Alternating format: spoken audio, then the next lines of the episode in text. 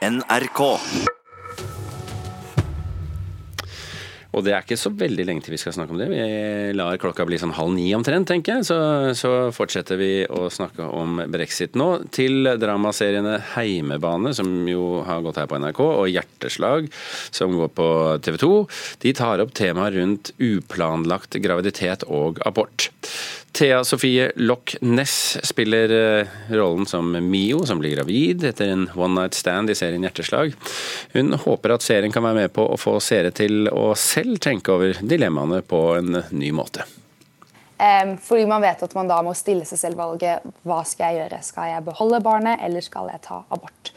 Men jeg er veldig glad for at vi har fått lov til å å lage en serie som også kan forhåpentligvis eh, sette litt lys på abortdebatten, og, og som skildrer det på en, en, en, nyansert og troverdig måte. Da. Det forteller Thea Sofie Lochnes, som spiller rollen Mio i TV 2-serien Hjerteslag. Utstråling. Det syns jeg er veldig fint. Okay. Perfekt. Du liker den, du. I serien så følger vi Mio som blir gravid etter et one night stand, og vi får være med på valget hun skal ta. Skal hun ta abort eller ikke? Og det er ikke første serien som tar opp dette temaet.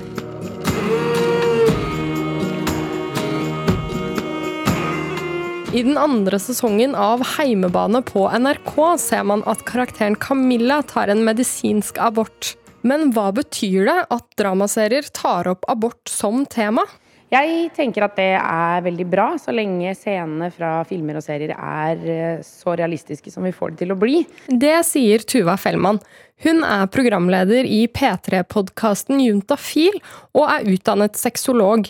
Hun tror at det både er mye manglende kunnskap rundt abort, og at det er et ganske tabubelagt tema. Så det å på en måte få vist realiteten tror jeg er kjempeviktig og veldig, veldig bra.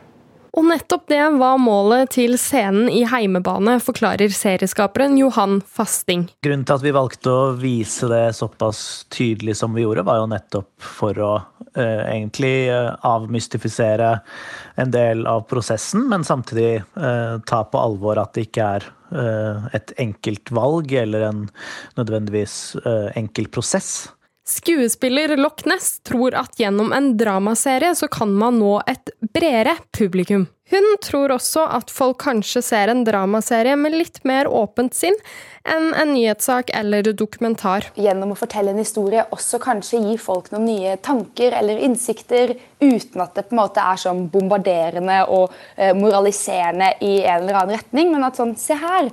Her får du et lite innblikk i hvordan det kan være og hvordan det kan føles. Programleder Fellmann forteller at hun opplever at det er en del fordommer rundt det å ta abort.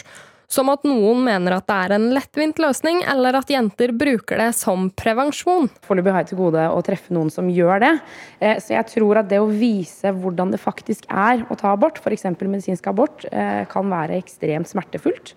Eh, og det å vise realiteten tror jeg setter i gang en del tankeprosesser. Serieskaper Fasting har sett diskusjoner om hvorvidt det Camilla i heimebane går igjennom, er gjeldende for alle, og han understreker at dette bare er eksempel på hvordan en slik prosess kan foregå. Det, og det er det jo viktig at man snakker om, at det ikke er nødvendigvis sånn for alle. Men uh, det er jo på en måte en samtale som vi tenker det er positivt at dukker opp i kjølvannet av uh, at vi, vi, behandler det materialet, da. Loch Ness håper at Hjerteslag er med på å vise seerne at valget om å ta abort eller ikke kan være et vanskelig valg å ta.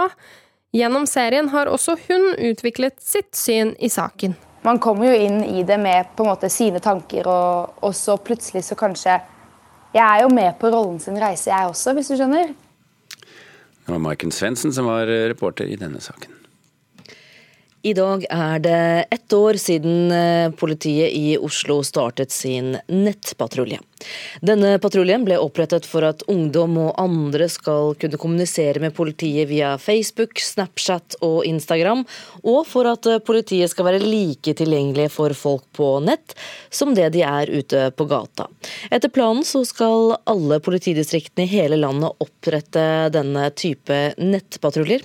Anne Katrin Storsveen, fagansvarlig i nettpatruljen i Oslo politidistrikt. Dere var først ute med en patrulje som dette Hvordan har det første året vært? Det første året har vært, det har, det har vært veldig artig. Eh, utfordrende, eh, men utrolig lærerikt. Så det har vært moro. Men hva er det dere gjør? Vi kommer med forebyggende råd, altså dvs. Si vi jobber kriminalitetsforebyggende, som er primærstrategien i politiet.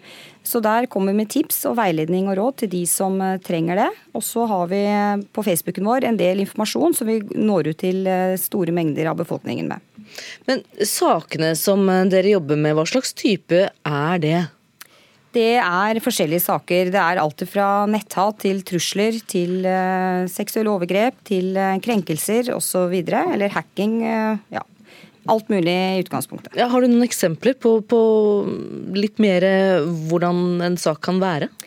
Ja, altså vi får jo en del tips også. Eh, og vi får jo inn tips i forhold til eh, hva som foregår på nett. Og vi fikk jo et tips eh, når det gjaldt en jodelbruker, hvor en annen jodelbruker hadde sett at vedkommende hadde skrevet på, på sin jodel at hun ikke orket mer og skulle ønske hun kunne dø. Og ingen var glad i henne. Og da blei denne som ga oss det tipset veldig bekymret, og det blei jo også vi. Så vi sendte inn en nødrettsanmodning da til Jodel etter konferering med vår jurist, og fikk da koordinatorer og IP-adresse på denne brukeren. Jodel er jo tysk her, så de samarbeider jo veldig godt med oss politiet. Eh, og da fant vi eieren av IP-adressen og bodde i en studentblokk. Og eier av blokken blei også tilsendt en nødrettsanmodning for at vi kunne få navnet på eier av leiligheten. Og det fikk vi. Hvor da operasjonssentralen hos oss blei kontaktet av oss, vi samarbeider jo godt med de også. Eh, og da sendte de ut en eh, patrulje som reiste til leiligheten. Den var da tom når de kom dit, men til slutt så fant de vedkommende et annet sted og var eh, noe dårlig forfatning, men fikk da hjelp, og helse blei også involvert, og det gikk bra. Hva tenker du om at eh, når du ser tilbake igjen på denne type eh, historier hvor, hvor det ender godt, hva tenker du om at alle landets politidistrikter skal opprette lignende patruljer? Det syns jeg er veldig positivt, og det er også på tide at politiet kommer seg på nett der hvor befolkningen ferdes mest. Men hvor viktig er det å faktisk være på nett? Jo, det er viktig fordi at eh, det er der det, de fleste er eh, i dag. Eh, I hvert fall nordmenn og resten av verden også. Det er nettet det foregår for det meste, og det er der de sosialiserer seg. Spesielt da også barn og unge. Det er der de tilbringer livet sitt for mesteparten av tiden, så det er klart at vi også må jo være der og være med på utviklingen. Hvordan, eh, Antall henvendelser, hvordan er kontakten? Er det mange som vet om dere? Er, det, er dette noe som er veldig kjent, eller er det noe hvor terskelen er eh, litt høy fortsatt? Eh, vi håper og tror at vi etter hvert kan bli enda mer kjent. Vi eh, er visst kjent hos noen, men det er jo klart at eh, det er nok ikke alle som vet at politiet er på nett sånn som vi er, og at vi har den toveiskommunikasjonen som vi har på Messenger, hvor vi da sitter to politibetjenter til enhver tid i åpningstidene våre og kan snakke med folk, og de kan få hjelp, eller i hvert fall få råd og veiledning når de tar kontakt. Enkelt og kjapt, sånn som man er vant til i alle andre sammenhenger. Sånn som man er vant til i andre sammenhenger, ja. Takk skal du ha, Anne Katrine Storsveen, fagansvarlig i Nettpatruljen. Harry Potter. The boy who lived.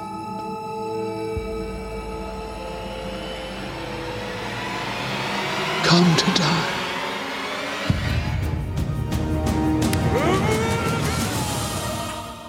Harry Potter, kjent for å bruke tryllesaven flittig. Nå er Harry Potter-bøkene fjernet fra biblioteket ved en privat katolsk skole i USA. Det var flere eksorsister som anbefalte å fjerne bøkene. Så reporter Helga Thunheim, eh, hvorfor mener skolen at det er nødvendig? Jo, eh, Det var en pastor ved denne skolen som ligger i Nashville, Tennessee, som mener at eh, disse bøkene inneholder faktiske forbannelser og trylleformularer som når de leses av et menneske, risikerer å trylle fram onde ånde, skriver The Guardian. Så han tar boken på alvor, med andre ord? Eh, det kan høres sånn ut. Ei lokalavis i delstaten skriver at pastoren sendte ut mail til foreldrene ved skolen, og at han eh, der skrev at han hadde blitt kontakta av flere eksorsister som hadde anbefalt å fjerne bøkene fra biblioteket. Eh, bokserien er jo som kjent skrevet av JK Rowling mellom 1997 og 2007, og inneholder trylleformularer som Avada Kedavra, drapsforbannelsen, torturforbannelsen og Imperio. Eh, vet du ikke det? Eh, jeg kan ikke huske det. Jeg har hørt den. Men ikke blitt utsatt for den. Nei, det har jeg ikke.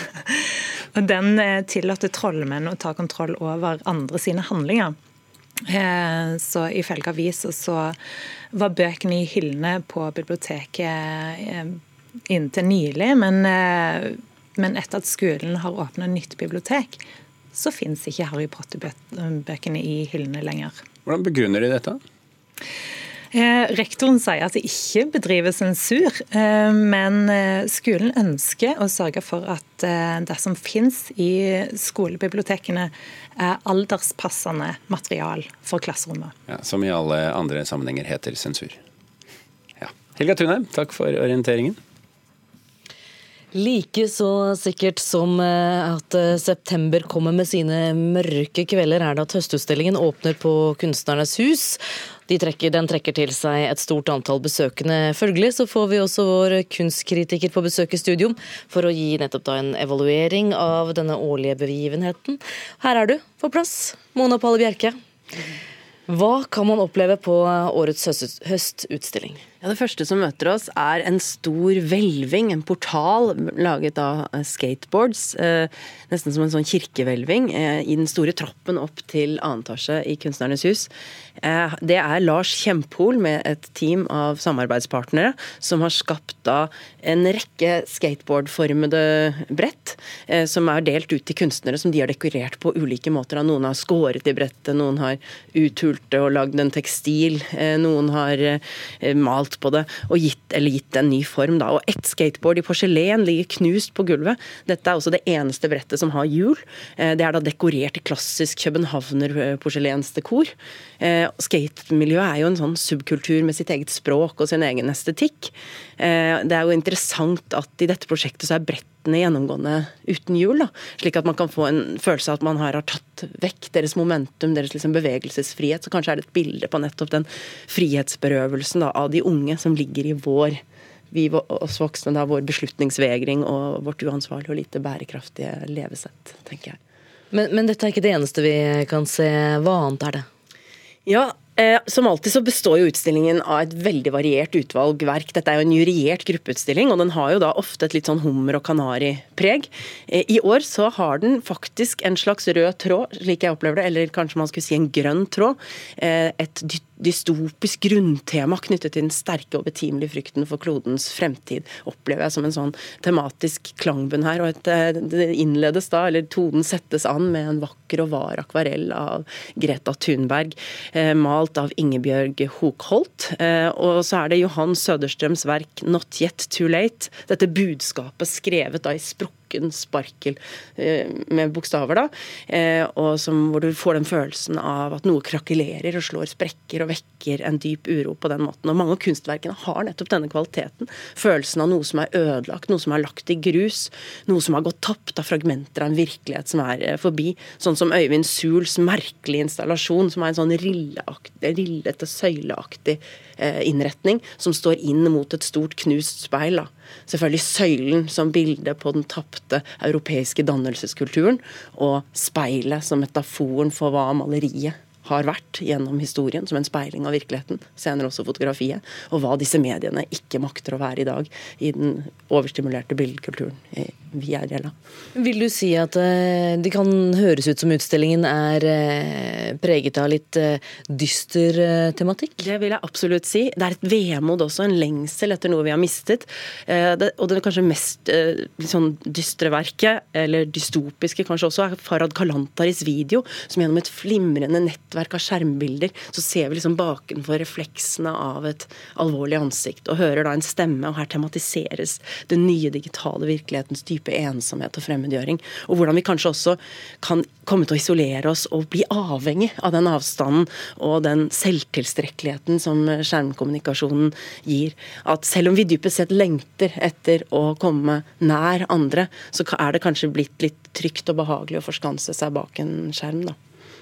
I den grad høstutstillingen sier noe om norsk eh, kunstliv, eh, hvordan står det til med den norske kunsten? Ja, så er det vanskelig da, basert på en utstilling selvfølgelig å si noe om kunstli, kunstlivet, men det er i hvert fall første gang på mange år at jeg opplever at Høstutstillingen er i berøring med noe man kanskje kan kalle en slags tidsånd.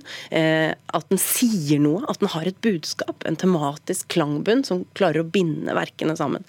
Jeg føler meg både tynget og løftet av Høstutstillingen i år. Tynget fordi den tar opp helt prekære problemer i vår tid, men løftet fordi dette er en så viktig utstilling i kraft av det brede nedslagsfeltet den har. Og da er det så fint når den en sjelden gang blir skikkelig bra. Så herved er høstutstillingen altså anbefalt. Takk skal du ha. Mone Palle Bjerke. Bokhøsten i NRK P2. Noen bøker starter samtaler du ikke vil gå glipp av. NRK tar deg med på safari i den store bokjungelen. Vi snakker om utvalgte bøker, og med ulike forfattere. Vi drar på bokmesser og festivaler. Hos oss er samtalen allerede i gang. Det er bare å henge seg på. Følg Bokhøsten i NRK P2.